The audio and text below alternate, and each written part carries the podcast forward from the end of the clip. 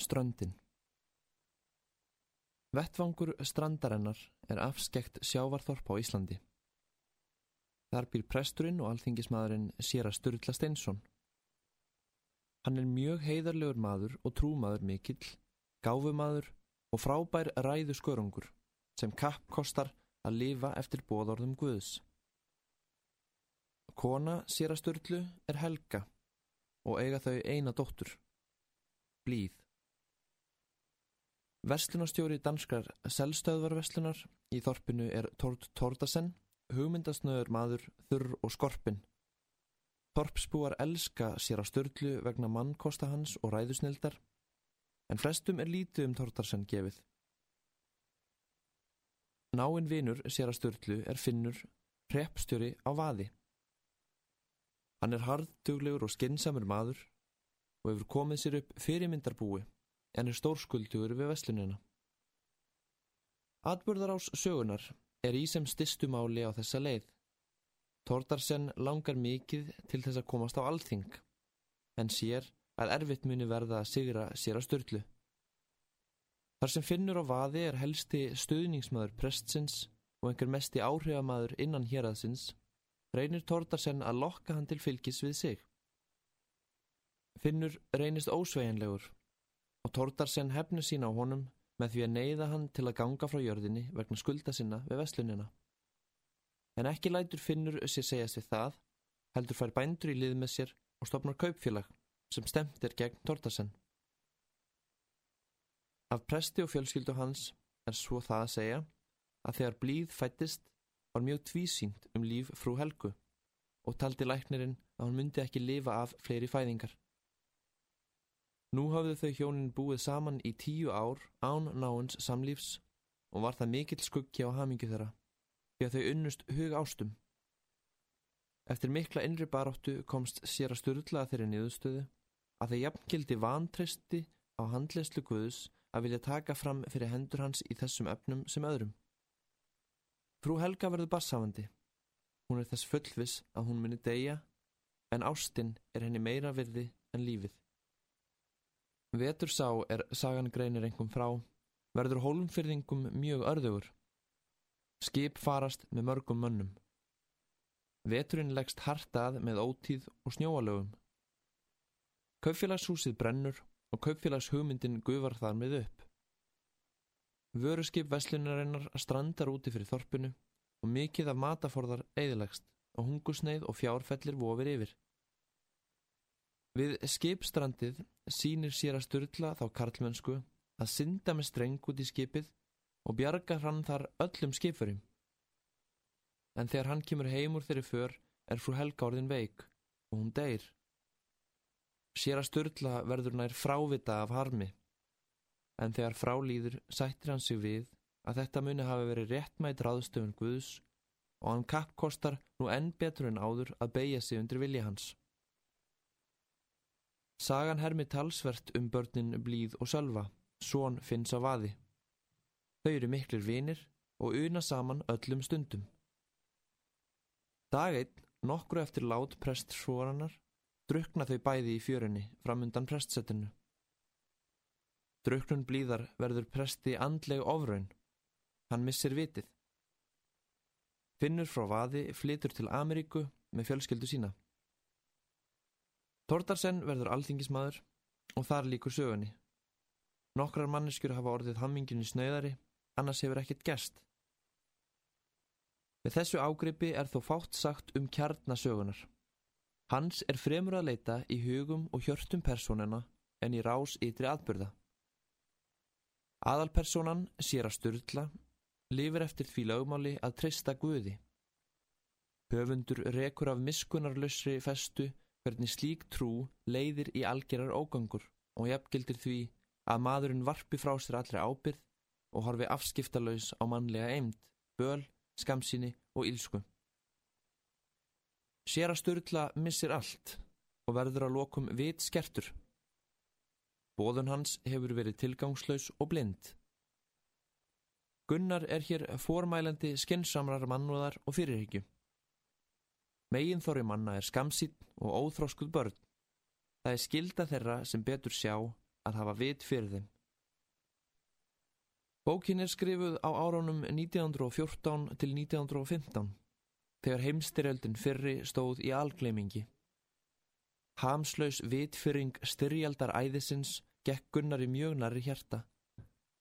Með þessu verki sínu ákallar hann alla vitiborna menn og hvetur þá til þess að vinna að friði og eindragni meðal manna. Ströndin er mjög heilsteift saga. Sem rítverk er hún mikil framför frá borgarættinni. Personur betur mótaðar og efnið meir sveikt undir markmið höfundar. Engamál Gunnars taka nú ekki lengur af honum stjórnina, en þau kinda þó greinilega undir og gefa sögunni sérstakann blæ. Frú Helga er svo persóna sem við þekkjum best. Þar er komin móður ugga, einn stilta og ljúfa kona, hjarta heita og fórn fúsa. Lýsing þess hvernig hún ber þjáningar sínar gæti alveg eins staðið í fjallkirkjunni. Frú Helga hafði þjáðst mikið þennan vetur, þjáðst afskaplega. Engan, jáfnvel ekki mannin hennar grunaði hver miklar þjáningarnar voru í raun og veru, því að hún bar þær með þeirri hreisti sem enginn getur sínt nema elskandi kona, með takmarkarlausan sjálfsfornarhug og óegin girtni.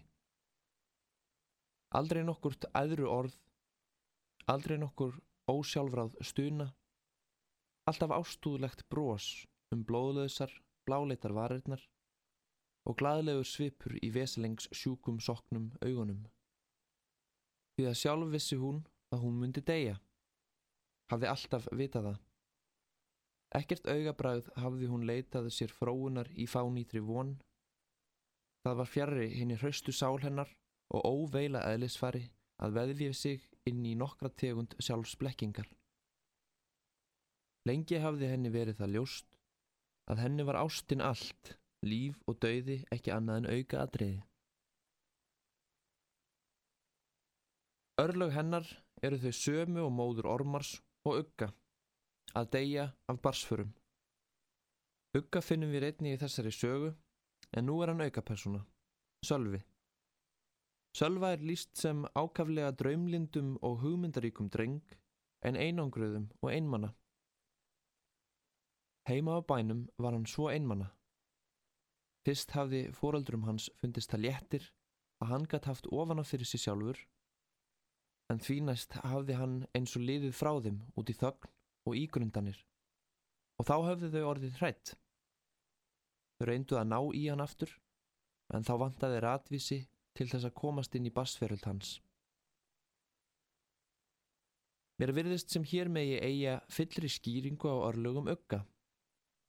Hann var að eðlisgerð of ólíkur fóröldrum sínum til þess að þau getu skilið hann. Það var frum rót hinnar innkverfi lundar. Næmi sölva og ugga er einnig þið sama. Hún var það eins og leikur að ljúka við það sem honum hafi verið sett fyrir. Þurfti ekki að lesa það oftar en einu sinni og í mestalagi tvísvar. Þá kunnan það utanbókar og hafði jafnframt fengið eins og ósjálfrátt skilning á efninu sem narið því æfinlega var réttur. En hann var engin fegurðar skrifari frekar en öggi. Skriftarstundirnar voru honum líka þraut. Ríthönd hans helt áfram að vera ójöfn, eins og hann hefði enga tilsögn fengið.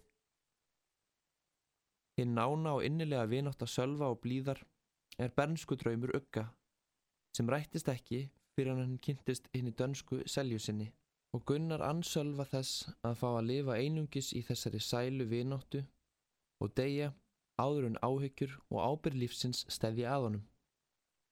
Hann hverfur í hafið á samt blíð og við minnumst þess að fyrir Gunnari er hafið gætt sérstakir merkingu.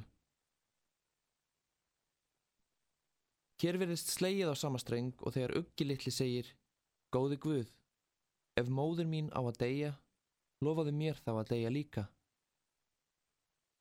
Segja má að frásögnin um sölva og blíð sé nokkuð óviðkomandi söguþræðinum. Hún er líkust sögu innan í sögu.